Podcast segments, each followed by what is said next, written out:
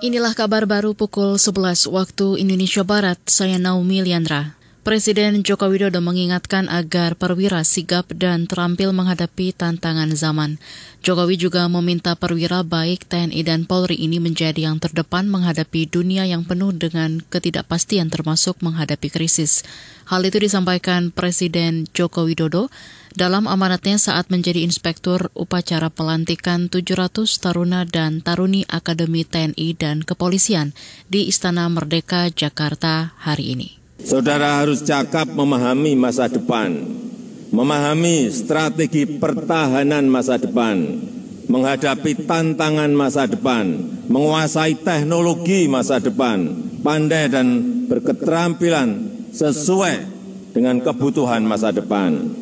Saatnya saudara untuk menunjukkan prestasi sebagai kesatria yang tangguh, tunjukkan integritas dan loyalitas saudara kepada masyarakat bangsa dan negara Tunjukkan kecerdasan dan ketangkasan saudara-saudara untuk menghadapi masa depan. Presiden Jokowi juga mengingatkan perwira TNI dan Polri itu terkait pandemi COVID-19 yang belum usai dan dampak krisis pangan, energi, dan finansial global. Dikutip dari situs Sekretaris Kabinet, perwira yang dilantik Jokowi itu terdiri atas 200-an perwira dari Akademi Militer, 100-an perwira dari Akademi Angkatan Laut, 90-an perwira dari Akademi Angkatan Udara, dan 280-an perwira dari Akademi Kepolisian. Ekonom menilai APBN masih bisa bertahan menyalurkan subsidi BBM dan gas hingga akhir tahun. Menurut ekonom dari Indef Abra Talotov, sesuai kondisi fiskal, pemerintah masih punya keuntungan dari pajak industri yang mengalami kenaikan di atas rata-rata. Pengeluaran untuk transportasi maupun untuk BBM ini kan merupakan salah satu komponen yang vital juga bagi rumah tangga. Nah, artinya dalam jangka pendek pemerintah perlu memperluas uh, sasaran kebijakan subsidi energi. Nanti sambil dilihat setelah berjalan sejauh mana uh, potensi penghematan anggaran subsidi dan kompensasi energi ini dari uh, pembatasan atau uh, apa kebijakan subsidi yang lebih apa lebih uh, tertutup dan juga lebih tepat sasaran. Ekonom Indef Abra Talatov juga mengingatkan pemerintah perlu memastikan defisit APBN tidak lebih dari 3 persen terhadap produk domestik bruto atau PDB.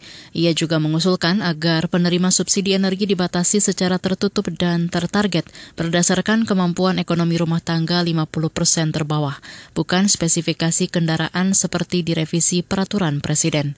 Sebelumnya, Presiden Joko Widodo menegaskan APBN masih mampu membiayai subsidi energi hingga akhir tahun nanti.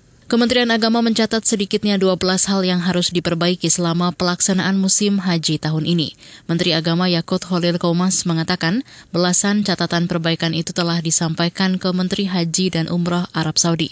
Catatan itu di antaranya pemeriksaan kesehatan jamaah untuk mendeteksi jamaah risiko tinggi sebelum berangkat, optimalisasi fungsi televisi hotel dan sosial media untuk sosialisasi layanan, dan pembinaan penyusunan program kelompok bimbingan ibadah haji. Kemudian penyiapan naskah khutbah Wukuf Arafah di setiap tenda jamaah mengefektifkan koordinasi petugas haji Indonesia dengan petugas maktab posko haji khusus di hotel terdekat Masjidil Haram dan Nabawi. Desain baju petugas ditambah identitas negara Indonesia berbahasa Arab. Besok Indonesia akan memulai pemulangan jemaah haji. Sebanyak enam kloter dari embarkasi Jakarta melalui Pondok Gede dan Bekasi Padang serta Solo akan tiba di tanah air. Demikian kabar baru KBR, saya Naomi Liandra.